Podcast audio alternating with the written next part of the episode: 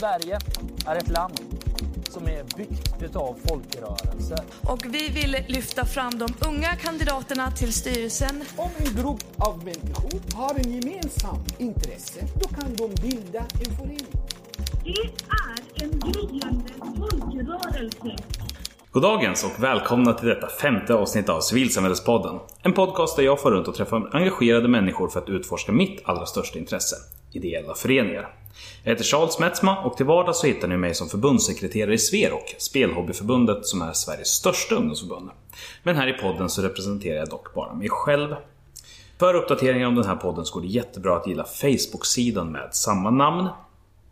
Idag så sitter jag här eh, mitt emot Freja Andersson som är ordförande i Sveriges Film och Videoförbund. Goddagens! Hej! Vi sitter här i Filmcentrum Syd va? Mm. Så stort tack till de som låter oss låna lokalen också. Ja. Känner du dig redo? Ja. Då kör vi på med första frågan. Eh, Och det är ju då helt enkelt eh, om du får berätta lite grann hur, hur du blev en engagerad människa och blev en del av civilsamhället. ja, jag är själv filmare. Och jag tror att det var när jag gick på filmskola ungefär 2009-2010 som jag blev medlem i Sveriges Film och Videoförbund. Och det var mycket för att de hade en festival som man kunde skicka in film till. Och det var billigare om man var medlem. så att jag tror att jag var en ganska, eh, inte så jätteaktiv medlem under ganska många år. ehm, genom att skicka in filmer och besöka festivalen. Och det roliga är kanske att jag, om någon hade frågat mig tidigare så kanske jag hade engagerat mig mer tidigare. Eh, Men det dröjde tills 2015 tills jag fick en, akt, en aktiv fråga och började att jag helt enkelt eh, började engagera mig mer i förbundet. Men sen har jag ju tidigare också under hela min uppväxt egentligen varit med i massa olika typer av föreningar och föreningsliv och sådär. Så det var kanske mer min bakgrund i just Sveriges Film och Videoförbund. Men har du varit då liksom en del av styrelse eller engagerad eller bara som medlem? Ja, det har varit lite olika. När jag var liten så startade jag egna föreningar med kompisar och sådär. Så att eh, det började där. Och sen har jag varit på lite olika nivåer under studietiden också i olika typer av hobby. Så att jag har också styrelseerfarenhet. Men, men hur liten var du då när du startade föreningar på löpande band? Ja, nej, men första gången så var jag och mina kompisar startade en vänskapsbandsförening när vi Ja. var kanske 9-10 år gamla. Och då hade jag varit med i en akvarieförening några år så jag var nog lite inspirerad därifrån. Så vi startade en förening och gjorde liksom som på riktigt helt enkelt, fast på vårt sätt kanske. Ja men ni körde hela Mm. Ja, men vi- och årsmöte och... Ja, ja, vi hade en liten styrelse liksom och sen höll det kanske inte jättelänge. Man kan säga att bakgrunden är väl att jag har varit med länge i olika typer av föreningar. Eh, Men eh, att jag tror att under resans gång så hade jag nog eh, Alltså gärna tidigare velat engagera mig i en filmförening också, men jag kanske inte riktigt kopplade ihop föreningsliv och filmliv eftersom jag jobbade som filmare.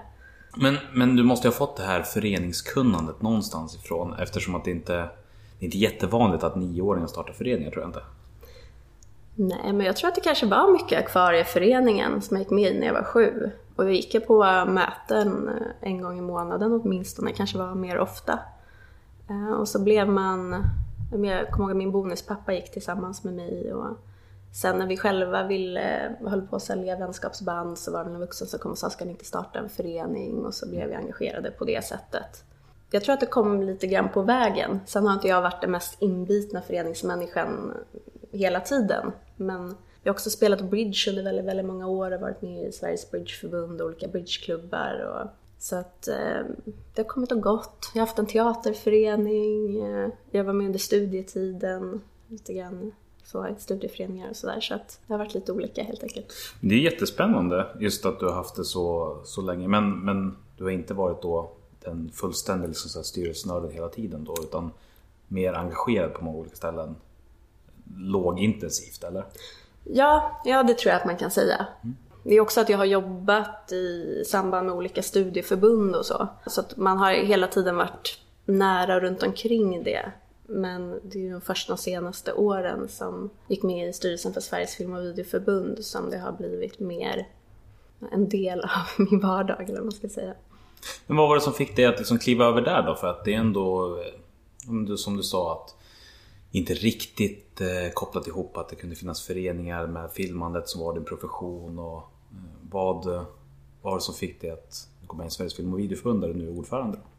Eller alltså gå med i styrelsen där. Ja, nej, men det var nog att jag fick frågan mycket. Att, att när jag fick frågan om jag var intresserad så stannade jag upp och tänkte att ja, men det kan faktiskt finnas ett intresse också inom det jag arbetar med. Men att det också kan finnas eh, många viktiga frågor som jag också brinner för inom filmen som jag kanske får chans att påverka om jag går med i förbundet. Och där är det ju dels att jag, förutom att jag är filmare, så undervisar jag också, jobbar en del pedagogiskt. Och då kan jag tänka att där finns det, fanns det saker jag kunde göra. Och sen fanns det vissa frågor som, eh, bland annat det vi kommer prata mer om idag, eh, som jag brann för, som jag också kände att här finns det en plattform där jag kan vara med och påverka. Så att jag tror mycket att det var det, att, att jag fick förtroendet i kombination med att jag såg eh, möjligheter till att driva frågor jag tycker är viktiga i filmens värld. Men hade du fått frågan tidigare så hade det hänt tidigare? Ja, och det är jätteroligt. Jag, för att Sveriges Film och Videoförbund har en festival årligen. Och jag kommer ihåg att någon gång, ja men någon gång efter 2009 så bytte den namn, eller skulle byta namn. Och då gjorde de någon form av utskick där de skrev ungefär Vill ni vara med och påverka vad vi ska heta? Vill ni komma på nästa styrelsemöte? Och jag minns väldigt tydligt att jag faktiskt funderade kring att gå dit och att jag jag vet inte varför, men jag hade gått på den här festivalen varje år i några år. Och, och så var man såhär, men jag känner ingen annan som ska gå dit. Även om jag kände andra som är medlemmar så var det ingen som skulle gå till styrelsemötet och sådär. Så att det är också kanske något man kan dra lärdom av. Att om man på något sätt hade lyckats göra det ännu mindre läskigt, eller vad man ska säga, då hade jag nog gått. Och då Mm. kanske jag hade blivit engagerat mig i styrelsen tidigare, möjligen. Det är ju den där eviga knäckfrågan. Hur får man någon att ta steget ut liksom att prova eller nå fram? Helst så skulle man ju ha ett individuellt samtal med alla någonsin men det är inte alltid det finns den tiden eller orken för heller. Men det är ju spännande just eftersom att det ofta är det som är har varit i alla fem avsnitt hittills. Att det är det som på något sätt är ja, men, där det tippar över när frågan väl ställdes. Men hur är det att leva som, eh, som ordförande nu då för, för det här förbundet? Jo men det är bra. Det är ett förbund som det händer väldigt mycket i just nu och de senaste åren. Man kan säga att jag kom in i en period där det redan liksom hade börjat hända mycket. Och det har ridit vidare. Så att det är väldigt roligt att det känns som att det utvecklas mycket och finns också utmaningar men också möjligheter. Och mycket bra folk kopplat till förbundet och sådär. Så att det är, det är spännande tider. Och vad är det ni gör för någonting då? Ja, vi har en liten slogan kan man säga eh, som kanske kan underlätta när man ska förklara det. Och det är att vi vill att film ska göras av alla. Vi vill att film ska handla om alla. Och vi vill att film ska ses av alla. Så helt enkelt så jobbar vi både med produktionsbiten, att försöka hjälpa till och se till att våra medlemmar och andra kan göra film. Och sen så jobbar vi också med själva innehållet i filmerna, till exempel eh, kanske mm, anordna inspirationsdagar eller workshops där man kan eh, på olika sätt eh, få vidareutbildning eller erfarenhet eller hjälpa till att utveckla det man vill göra film om. Diskutera representation och Ja, ja. Eh, nu säger jag ganska snabbt, alltså varenda en av de här punkterna innehåller väldigt mycket. Ja. Men sen, och sen så jobbar vi också med visning av eh, våra medlemmars filmer. Att vi har visningsplattformar både i form av en egen festival men också att vi visar eh, på systerfestivaler, vi kanske visar i andra sammanhang i samband med någon föreläsning. Eller visar filmer, skicka ut dem till festivaler i världen och så. Så att det är det stora, men sen inom varje en av de här frågorna så finns det ju massa mm, underfrågor att jobba på. Till exempel representation, hur man breddar den. Till exempel finansiering. Nu har vi till exempel eh, delat ut stipendier, alltså hur man kan hjälpa till också ekonomiskt för att se till att folk kan förverkliga sina filmer. Ehm, så att det är liksom väldigt mycket på varje punkt. Och självklart så är det också att bygga broar mellan då alla som håller på med film. För det är något man kan göra på väldigt många olika plan idag. Alltså allting från att jobba på långfilmsproduktioner till att göra egna kortfilmer, till att göra utbildningsfilmer kanske. Eller jobba med klipp eller... Ja, precis. Olika roller. Men på tal om ekonomi. Det blir en snygg liten sån här radioövergång. Därför att det knyter an väldigt mycket till det temat som du har valt för dagen. Efter lite kohandlande så landade vi att det skulle heta ideellt kontra kommersiellt. Eh, Men kan du förklara lite grann vad du tänkte med temat? Liksom vad, det, vad det innebär, vad det innefattar eller varför det är så viktigt just för er? Man kan närma sig det från många olika håll som jag tycker är spännande. Men bland annat är det så att det har ju hänt väldigt mycket i utvecklingen inom filmens värld och också i samhället. Om man tittar på, ja, SFE har funnits sedan 1940. Så sedan dess så har det gått väldigt många olika etapper. Bland annat tekniken har ju utvecklats men också sättet man gör film på. Och det har medfört att de som, vad ska man säga, våra medlemmar eller de som potentiellt sett skulle kunna vara våra medlemmar, eh, det har också lite förändrats vilka det är eller vad det kan innebära. Och idag är det ju så att det finns väldigt många som gör film på olika plan. Och det är inte så lätt alltid att dra gränserna mellan till exempel amatör och professionell eller ideell och kommersiell. Utan de gränserna blir väldigt, väldigt glidande. Speciellt inom eh, filmproduktion när man gör film. Det kan ju vara allt från någon som läser på filmskola eller har läst på filmskola till att bli professionell, går ut men det är svårt att tjäna pengar på det man faktiskt utbildar till. Till att någon som varit med i en filmklubb i väldigt många år blir kontaktad av ett företag som säger du, skulle du kunna filma vår konferens eller göra den här filmen till oss? För vi vet ju att du har erfarenhet av att filma. Så att man kan säga att från att vi har varit ett förbund som hade många medlemmar som gjorde film helt ideellt, och det var verkligen så här, vi är amatörer, vi gör film ideellt, så har den gruppen blivit väldigt, väldigt mycket mindre. Och det har växt fram nya grupper som faktiskt har ett väldigt stort behov av oss, av en plattform, av att få kontakter med andra och så vidare. Eh, Och de här grupperna går inte längre riktigt att definiera som kanske ideella eller kommersiella eller amatörer eller professionella.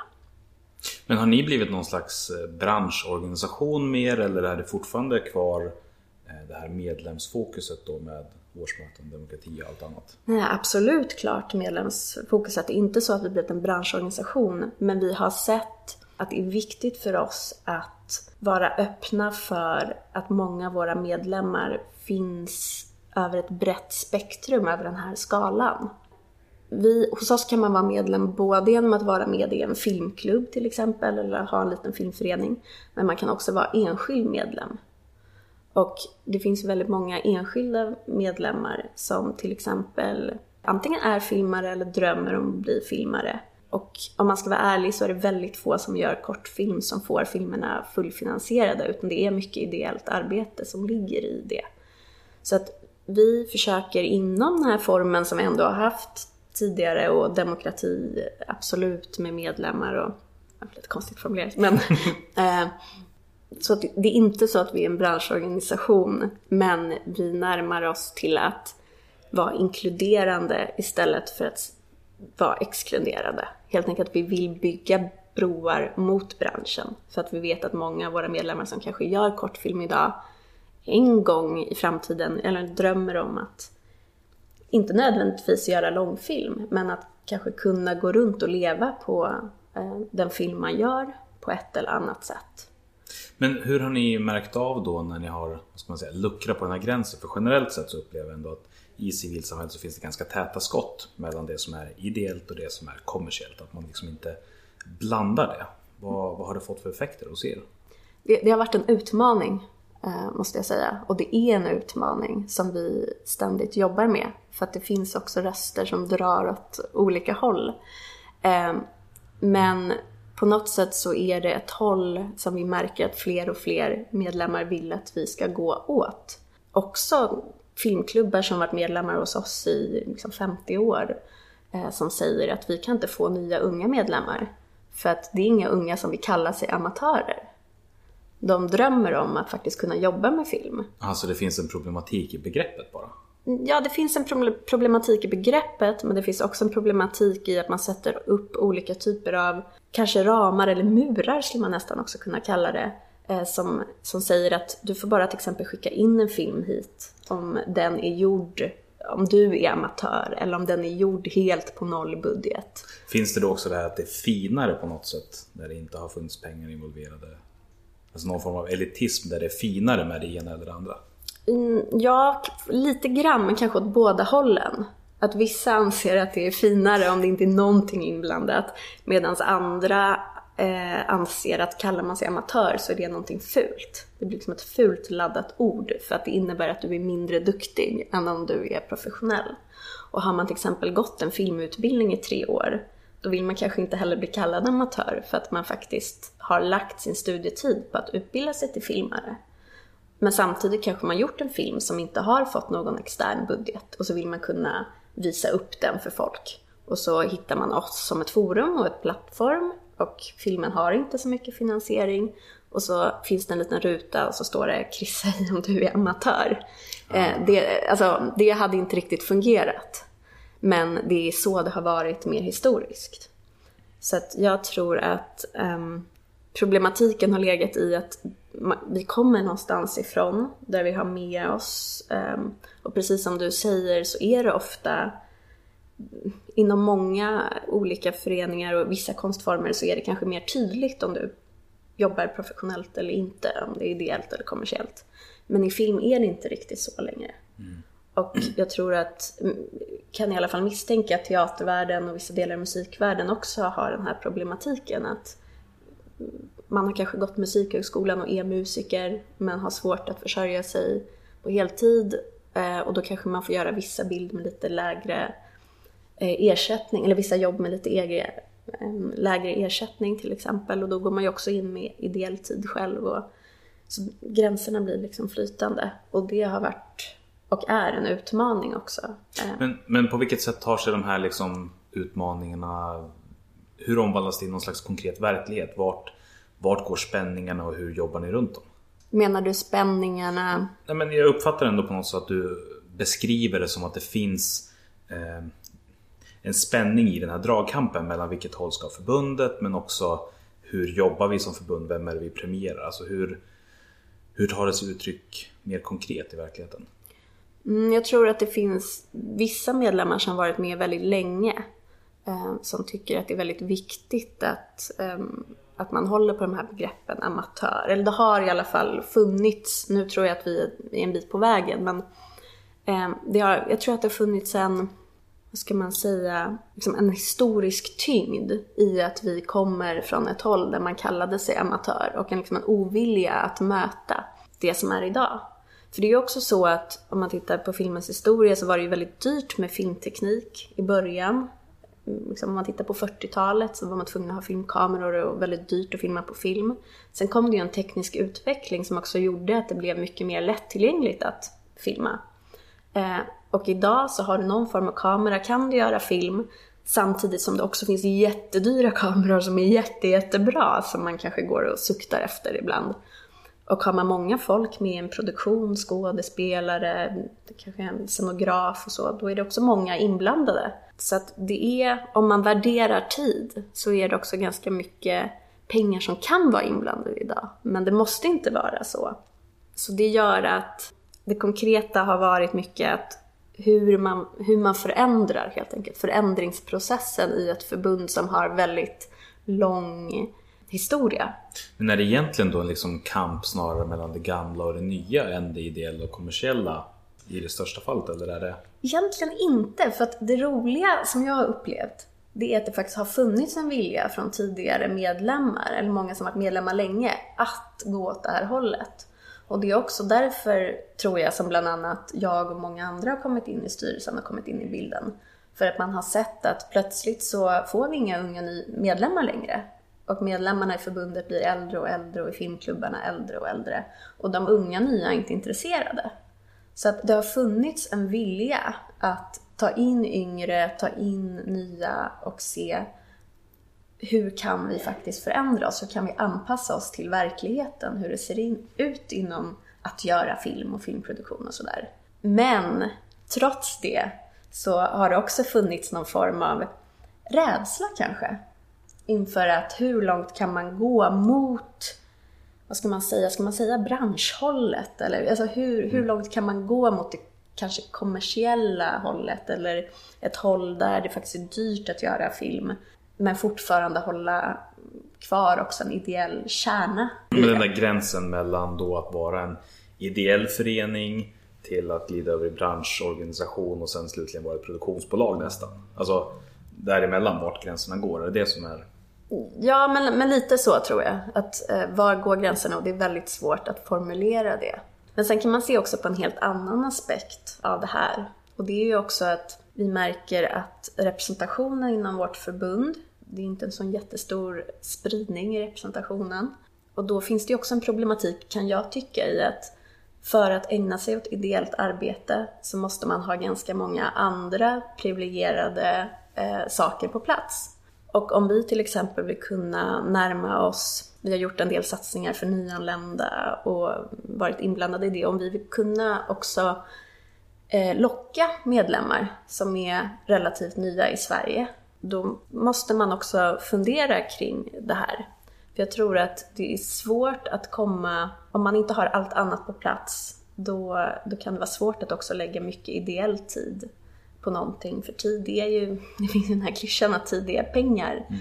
Ja, så behöver det inte vara om man, om man har bra förutsättningar eh, i sitt liv. Men om man till exempel är ganska nyanländ i Sverige och kanske inte ens har någonstans att bo permanent eh, så blir det också väldigt svårt, även om man är intresserad av film, så blir det väldigt svårt att engagera sig i ett filmförbund eller någonting för att man har problem som är mycket större. Så där har det ju också varit viktigt för oss att fundera kring för att det har kommit jättemycket folk som har väldigt mycket kompetens inom filmskapande på olika sätt till Sverige de senaste åren. Eh, och det har kommit många kanske ensamkommande barn som kan använda film, för bilder är ju någonting vi alla kan eh, kommunicera med, även om vi inte delar språk till exempel. Så film kan vara en väldigt stark kraft som kan användas för till exempel integration. Och då måste man också se över, från det perspektivet, de här gränserna. Och då har vi till exempel jobbat med att vi har gett ut ett stipendium under förra året eller vi har gett ut 10 stipendium på 7000 kronor var. Till eh, filmer som inte behöver ha någon annan form av finansiering. Och det är ett sätt att faktiskt konkret bli praktisk och, och inse och kanske erkänna också att det behövs faktiskt en del pengar i filmproduktion.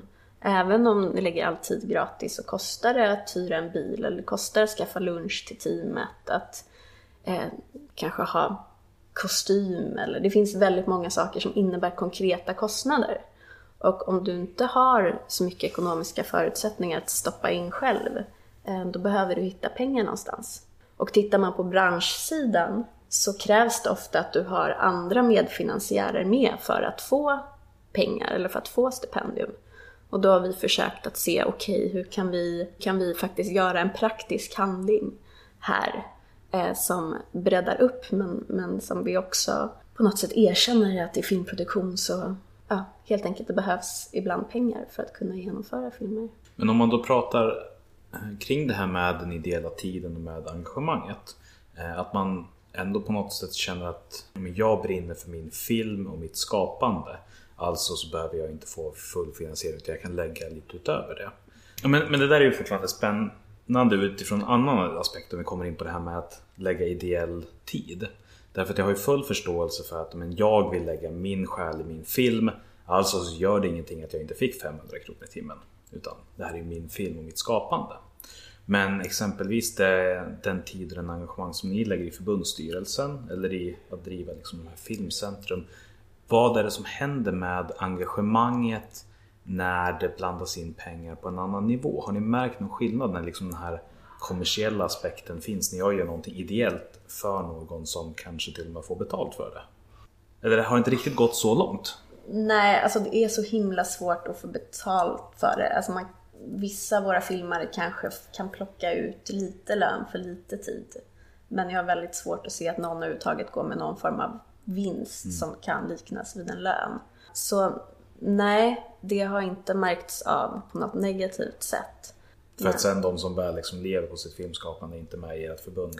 Precis, det finns förbund. Det finns till exempel ett förbund som heter OFF, Oberoende Filmares Förbund. Eh, så eh, bransch, eh, om folk som är professionella och jobbar liksom heltid i branschen, eh, de kan vara med hos oss också.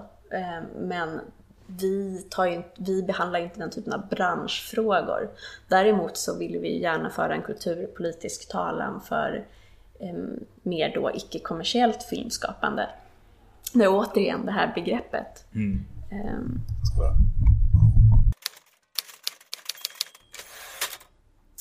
Ehm, för, ehm, nej men för, för vi, det är ju väldigt viktigt att vi också är en röst som inkluderar alla som gör film ideellt, men också inkluderar alla som är mittemellan.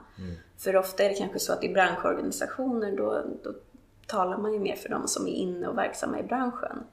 Och det finns ju väldigt, väldigt många som inte är där än av olika anledningar eller som är där lite grann men inte helt. Ehm, alla som är under utbildning eller alla som försöker men inte riktigt har kommit hela vägen eller, eller som väl kanske också jobbar deltid med någonting annat. Så att det är ju väldigt viktigt att också ha ett förbund som representerar dem. Min poäng är att vi kan inte bara säga att vi är för amatörer eller för helt noll, nollbudgetfilmer. För att för det första finns det nästan inte nollbudget i filmvärlden eftersom det krävs andra kostnader ofta. Men också för att i så fall så kommer vi bara sitta med medlemmar som är pensionerade och har väldigt bra, eller privilegierade på många olika sätt eh, och inte nå ut till nya målgrupper. Då i, i slutändan så blir det ett döende förbund då. När kom brytpunkten när det inte längre var aktuellt att bara kunna vara amatörfilmskapare? Och även om det då, för jag tänker mig historiskt borde ha varit dyrare eh, med högre trösklar att komma in i filmskapandet. Var det bara det att det var färre som höll på? Eller var det det att, är det kulturpengarna som försvunnit eller var det som har skapat den här utvecklingen nu? Ja, men dels så kanske det var på 90-talet att video kom in.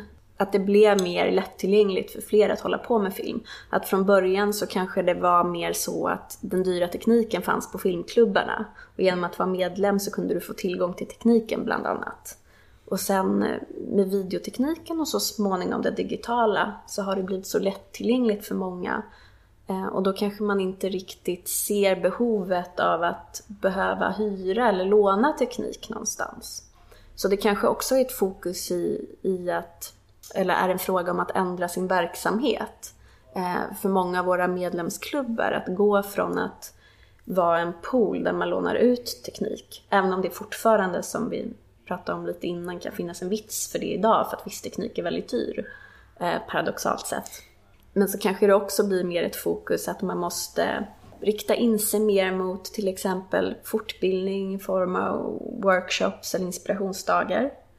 Eller mer eh, mot visningsforum, att film, man kan faktiskt visa sin film och diskutera med andra och få respons från en publik.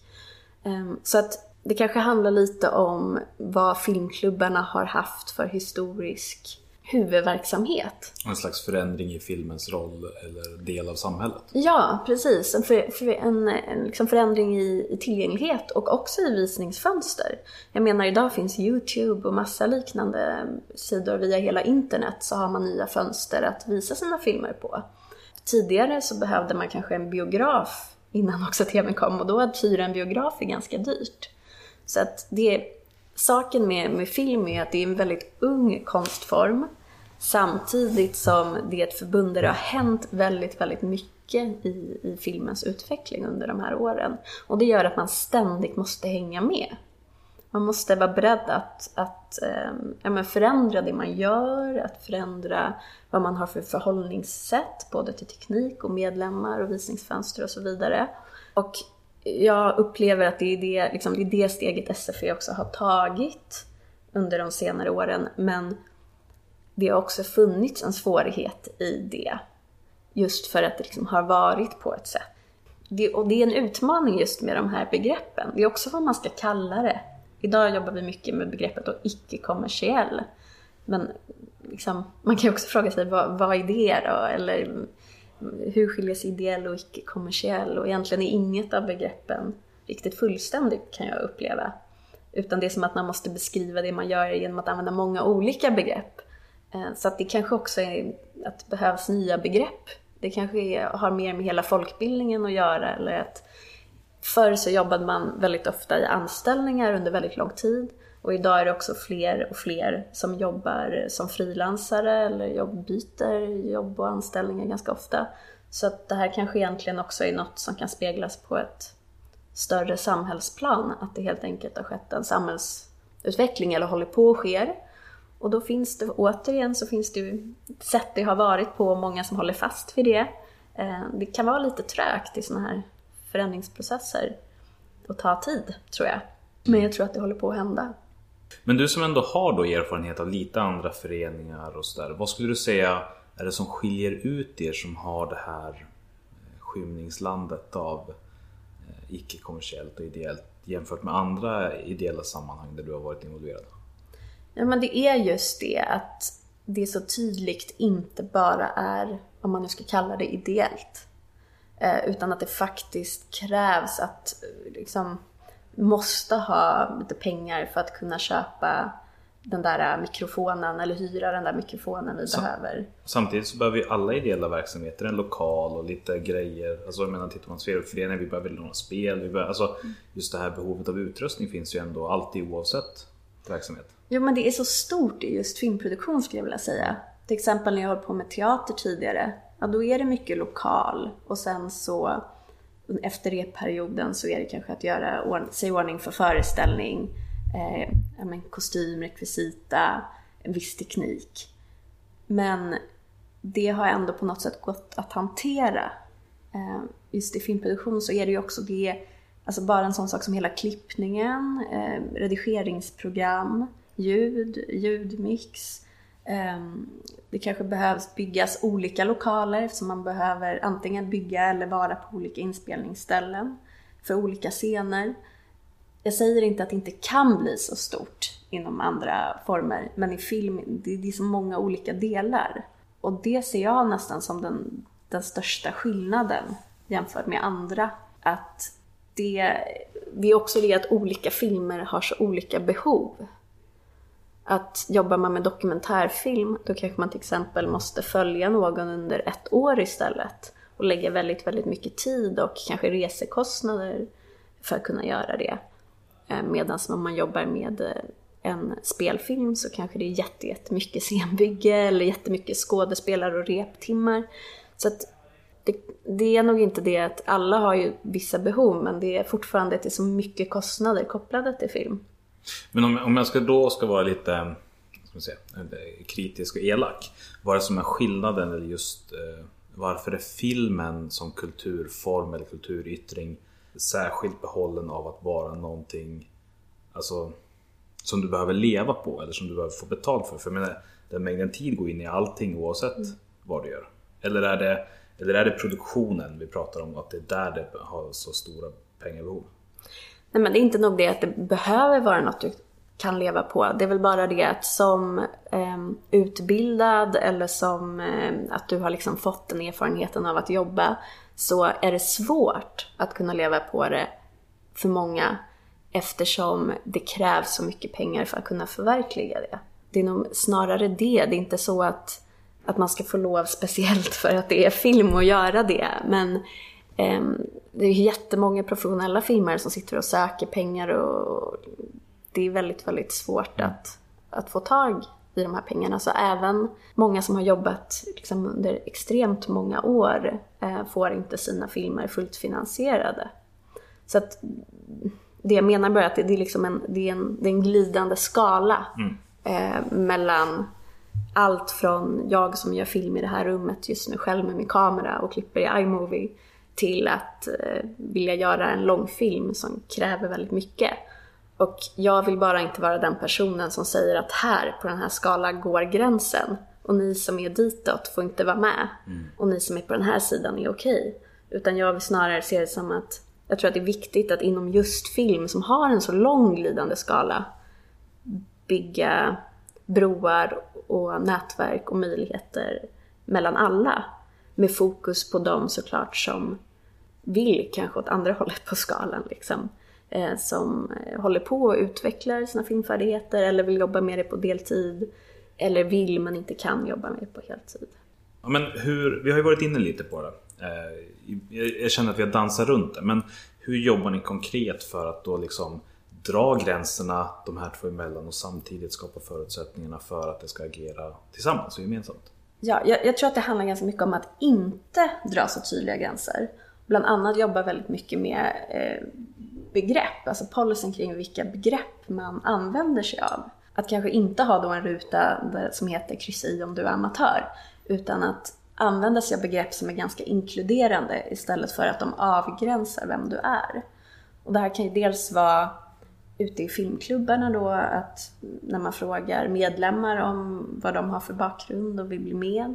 Det kan handla om vid olika typer av filmvisningar vi arrangerar. Att, inte, att man inte måste skriva under på att det är en nollbudgetfilm till exempel. För då blir det så mycket frågor kring vad är en nollbudgetfilm, vad innebär det? Så att det är väldigt mycket en, en Alltså det, det kan låta torrt, men det gör ganska stor skillnad vilka begrepp man använder sig av. Helt enkelt på väldigt många olika plan. Och inte minst när man pratar med folk som är intresserade av att bli medlemmar. Och undrar, kanske säger så här, men jag har ju gått tre år på en filmskola. Eh, och jag har ju gjort det här reklamjobbet eh, åt det här företaget. Och då kan man ju säga så här att ja, men vi kanske inte kommer gå in och stötta en reklamfilm som du utvecklar. Men du kan ju vara med och vi kan stötta dig i andra mer konstnärliga projekt du gör. Så att, så egentligen så är det ganska mycket traditionellt likabehandlingsarbete och arbetande för inkludering. Bara det att i det här fallet så är båda de utsatta grupperna, man ska säga, både de som skapar ideellt och de som eh, gör det kommersiellt. Eller är det mer det kommersiella som är på väg in? eh, nej, nej, men det är nog det är båda grupp, grupperna. Det är bara att det inte kanske två grupper utan det kanske är Ja. samma grupp med glidande i gruppen. Av hybridmänniskor. Ja, hybridmänniskor helt enkelt.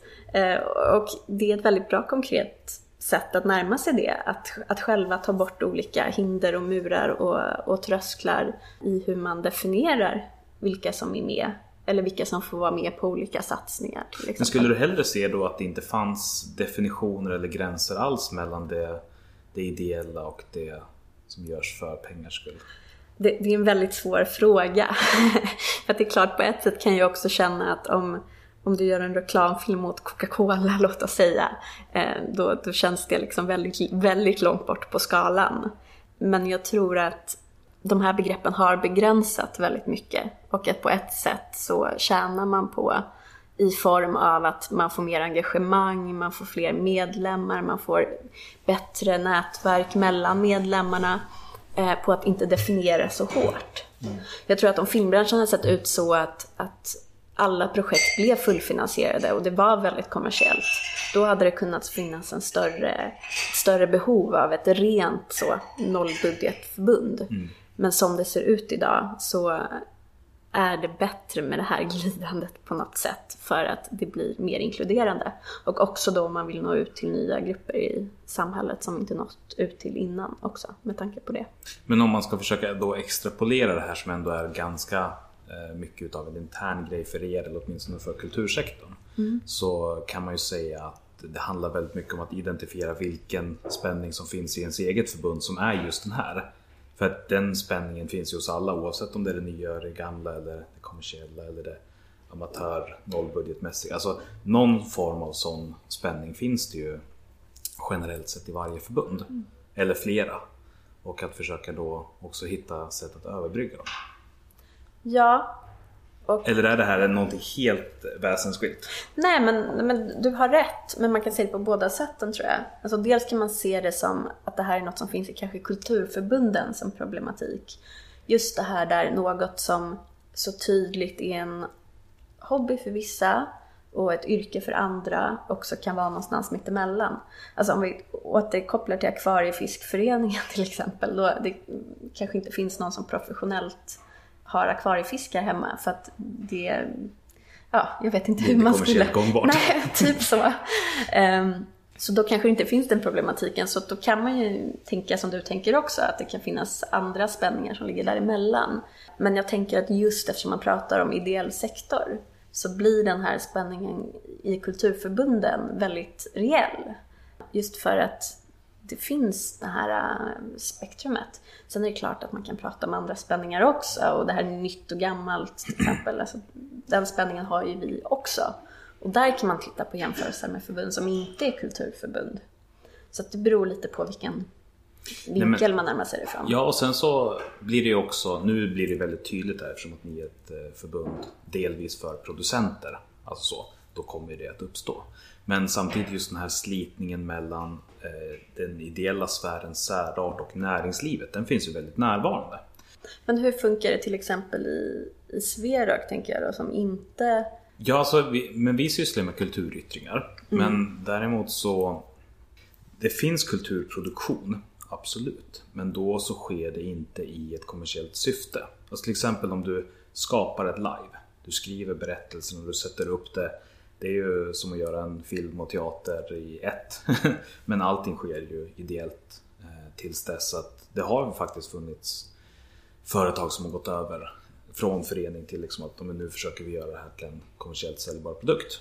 Bland annat då till exempel finns det ett företag som heter Liveverkstan som säljer mycket live gentemot skolor och alltså jobbar med det pedagogiskt som ett verktyg. Men däremot så finns den inte som en helhet i förbundet därför att det är fortfarande så mycket mer upplevelsen som är kulturyttringen. Inte eh, skapandet och säljandet utav den. Så att, ja men i Sverige också upplever jag inte att det här är någonting närvarande. Mm.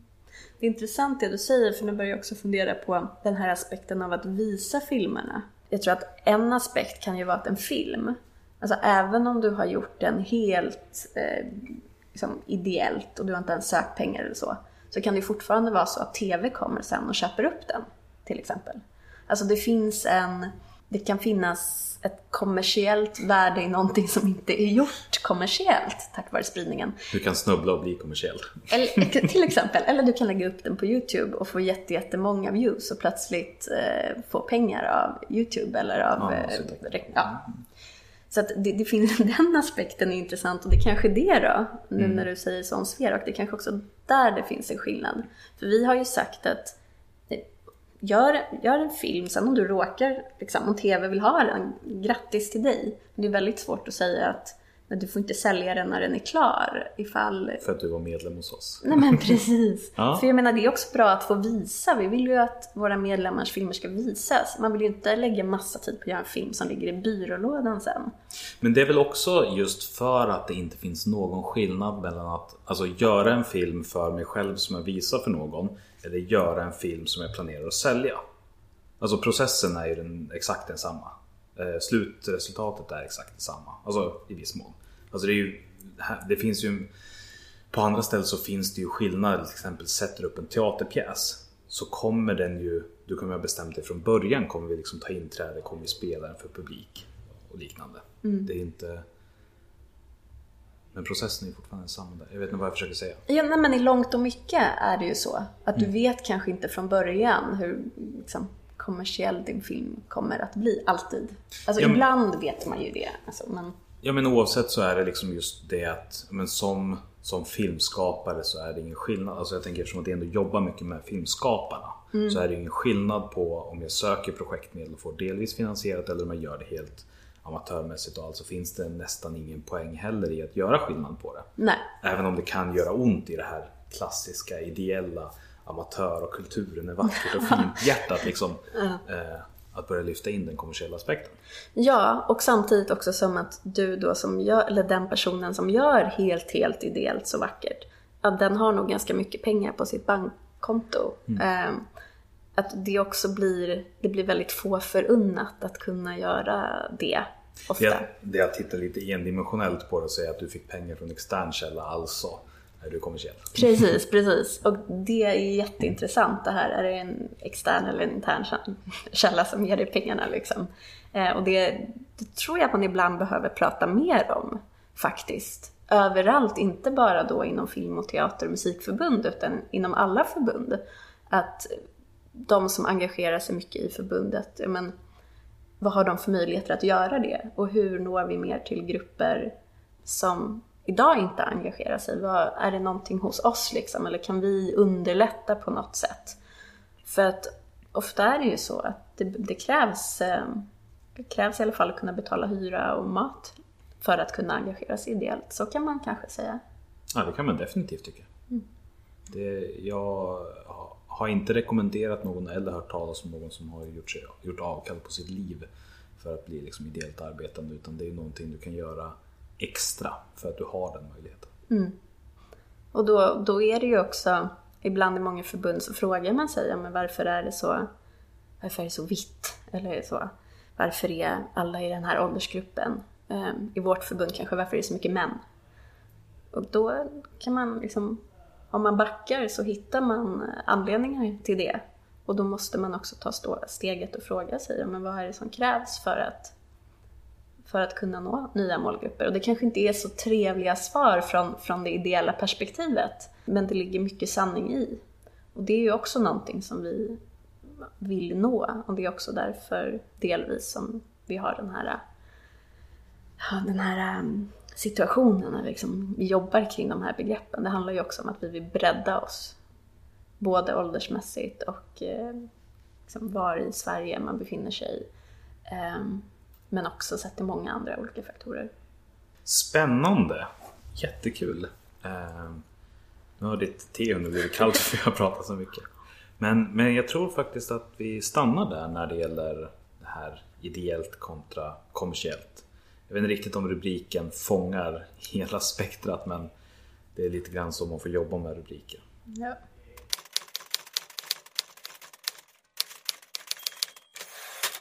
Avslutningsvis här så kommer ju du, precis som alla andra, också få chansen att dela med dig av ja, personliga erfarenheter som är kopplade till ditt engagemang i föreningar. Tanken är ju då att du berättar om något som du eller din organisation har lyckats bra med, en framgång eh, och sen också någonting som inte gick fullt så bra. Eh, ett misslyckande och i så fall vad, eller det måste inte vara hela vägen till misslyckande, men någonting som gick sämre och vad, vad du tog med dig och lärde av det. Du får själv välja vilken av dem du vill börja med. Ja, men det misslyckandet först är väl bättre. Det här kanske blir mer kopplat till min organisation, men det har ju hänt ganska mycket förändringar de senaste åren.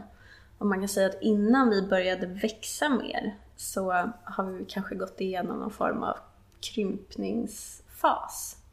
I antal medlemmar eller? I antalet medlemmar och i antal aktiviteter. Och jag uppfattar det som att ganska, jag vet inte om det hände egentligen väldigt snabbt eller under en längre tid, men mycket aktivitet och kompetens och erfarenhet kanske försvann. Vilket lite har resulterat i att SFE har fått börja bygga många delar av verksamhet från början igen. Och det är någonting jag funderat på ganska mycket. Att det blir en ganska stor utmaning om man släpper väldigt mycket av liksom rutinerna helt. Och speciellt om man inte har dokumenterat väldigt mycket vad som har hänt. För när vi skapar nya, nu när vi måste liksom skapa nytt helt enkelt, då blir det så mycket, man måste motivera väldigt mycket det man gör. Och eh, självklart ska man alltid fråga sig varför och så vidare. Men jag har märkt att det är en väldigt, väldigt stor svårighet när man bygger väldigt mycket från scratch snabbt. Att, Men, men skulle du säga att det har, alltså just den här krympningen som du beskriver var ett resultat av att ni liksom klamrade er fast vid, utifrån det vi har pratat om hela liksom, samtalet hittills. Alltså just det här att klamra sig fast vid det här begreppet amatör, att vi är vi. Att, var det ett direkt resultat av det eller? ja, jag, jag uppfattar det som det det är delvis i alla fall som det. Och sen kanske också då att många medlemmar som varit med blev äldre och äldre och att det inte blev så stor tillströmning. Men jag tror att, ja men just det här att, att man, man ska fundera på, alltså samtidigt som jag sitter här och säger att man måste, man måste förnya och man måste liksom leva i tiden och man måste gå framåt. Så måste man ju också vara väldigt noga med att åtminstone dokumentera det man har gjort bakåt och att eh, dra lärdomar av det man har gjort. För missar man det och det försvinner, om det på något sätt blir liksom ett svart hål i det som hände, då är det en väldigt stor utmaning att eh, driva vissa frågor vidare eller att utveckla dem. För att man på vissa plan måste börja så mycket från scratch igen. Och det gör det svårt. Faktiskt. Det är en svårighet som finns. Eh, nu kommer jag på att du i tidigare program har frågat det här om man är i den här stagnera, utveckla, förnya-fasen. Ja, nej, den, den försvann som ett resultat av att folk vill ha mindre organisationer. Ah, okej, okej, okej. Nej, för det, var, det är något jag har tänkt på att Alltså vi har ju en festival som håller på, vi har faktiskt 60-årsjubileum i år för Sveriges kortfilmsfestival som förbundet driver. Nej, den har funnits ett tag. 60 år då, och ni var bildade 40-talet så det är nästan Ja. hela förbundets historia. Ja, det har funnits väldigt länge. Och ett tag så blev det nästan så att festivalen blev förbundets, den här hela perioden, det blev liksom Det var det som var förbundet. Ja, det, nästan så eh, upplever jag det som. Och så har man utifrån det försökt eh, börja bygga upp en massa annan verksamhet igen. Vi har väl haft, det är lite förenklande att säga så, men ehm, Men helt enkelt om det är så att du tänker att din organisation ska börja stagnera Se till att teckna ner allting innan så att den som kommer efter kan... Ja, ja nej men eh, lite så tänker jag. Att, att, ehm, att se till att, att dokumentation, att det tydligt är där överhuvudtaget. Att vara bättre på att dokumentera det man, det man gör. Ja, det är ganska viktigt att göra det innan också för att när du väl är i det läget att engagemanget tryter och ingen riktigt bryr sig då är det inte liksom börja skriva ner rutiner och det är inte det som kommer först på så här, det här har jag lust med. Nej, nej precis. Ja, Så mm. får du skryta lite också. Ja, men då, då vill jag ta upp den här satsningen igen som vi gjorde förra året och som vi gör i år också, som heter Stipendiet, som vi gör i samarbete med Kulturens. Eh, och förra året så delade vi ut 10 stipendier på 7000 kronor var, så 70 000.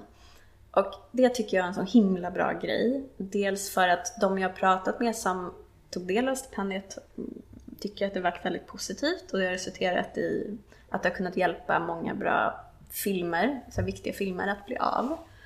Men också att det känns så himla bra att som förbund alltså kunna gå in och faktiskt stötta någonting som är väldigt känns väldigt så i praktiken, eh, det känns väldigt praktiskt eller vad man ska säga.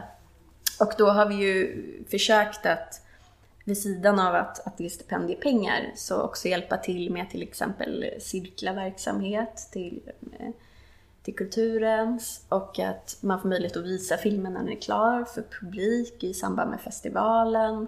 Ehm, Det blir också en, man, blir man får medlemskap i SFE om man inte är med redan. Så att det, på många sätt så blir det ett sätt att knyta filmare, eh, många unga, närmare förbundet också. Och andra filmskapare. Och andra filmskapare, absolut. Så att på väldigt många olika plan så Men, har men det blir ett väldigt praktiskt sätt att återuppväcka förbundet då från det här lite slumrande stadiet.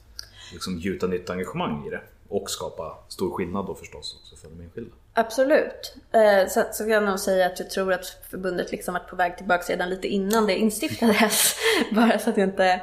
Eh, men, men det är en sån sak. Och jag tror att vi eh, har ganska många sådana handlingar nu som på olika sätt ändå är, är praktiska.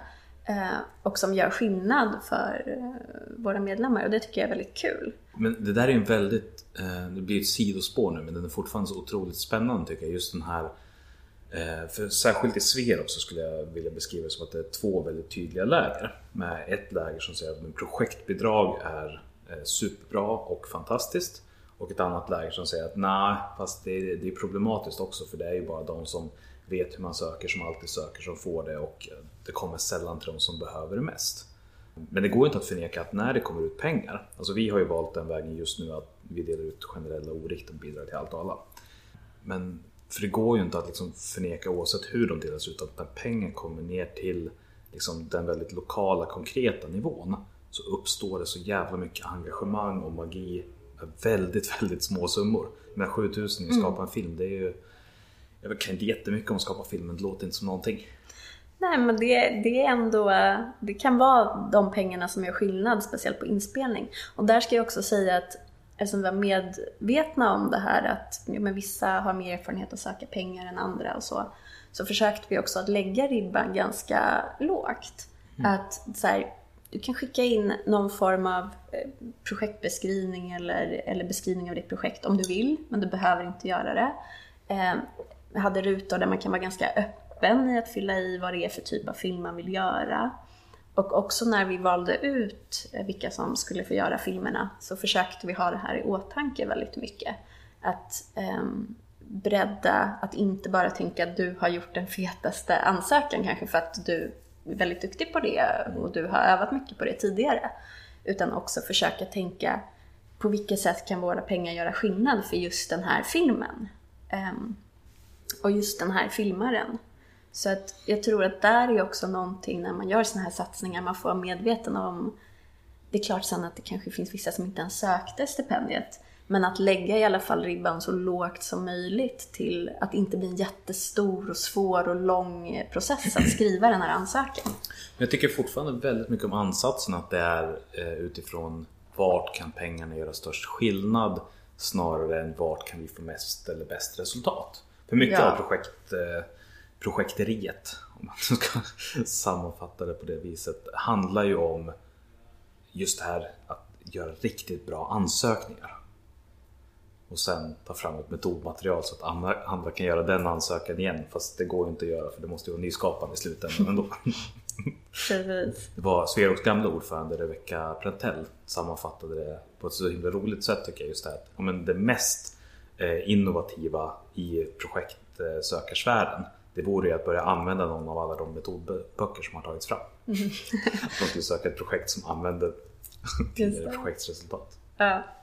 Nej, men det ligger väldigt mycket i det och det är just därför jag tror att man måste, alltså sitter man på makten i att faktiskt också kunna ge ut pengar, måste man vara väldigt medveten om det. Och vill man försöka nå nya målgrupper, det handlar, handlar också om vad man gör reklam för att stipendiet finns. Det handlar ju också om när man är ute och möter folk, till exempel i samband med vår festival, också hur man presenterar stipendiet och vad som krävs. Så att det finns ju väldigt många olika nivåer där man kan vara med och, och i alla fall göra det mer tillgängligt på. Men sänka trösklarna på olika Ja, sätt. precis. Man måste inte ha frack på sig när man presenterar. eller balklänning eller vad motsvarande blir. Eh, Precis. Och det tycker jag att vi, eh, att vi gjorde en väldigt bra, eller jag, ja, för man ska vara stolt över det. Vi gjorde en bra satsning och eh, var, försökte vara medvetna på många olika plan. Jättekul att höra. Då vill jag rikta ett eh, stort tack till dig Freja för att jag fick komma på, eller inte komma på, men komma hit och hälsa på i Filmcentrum Syd. Och dig. Tack själv! Eh, Och jag vill också tacka dig som har lyssnat. Eh, du får jättegärna tipsa dina vänner och som vanligt kom med synpunkter till mig eller till Facebook-sidan Civilsamhällespodden. Eh, det är jättemånga som hör av sig och jag blir superglad av det. Det är helt fantastiskt eh, vilket genomslag det här har fått. Mycket större än vad jag någonsin hade kunnat tänka mig när jag började. Och gav det dig några nya insikter, förändrade ditt liv eller kändes som gammalt skåpmat. Oavsett vad så vill jag liksom veta det. Och jag vill också påminna att på hemsidan www.civilsamhällespodden civilsamhallespodden.se finns det ett formulär där du kan anmäla intresse om det är så att du skulle vilja vara med i podden. Hör av dig så hörs vi igen om två veckor. Eh, och återigen, stort tack till dig Freja. Sverige är ett land som är byggt utav folkrörelser. Och vi vill lyfta fram de unga kandidaterna till styrelsen Om en grupp av människor har en gemensam intresse, då kan de bilda en förening. Det är en gryende folkrörelse.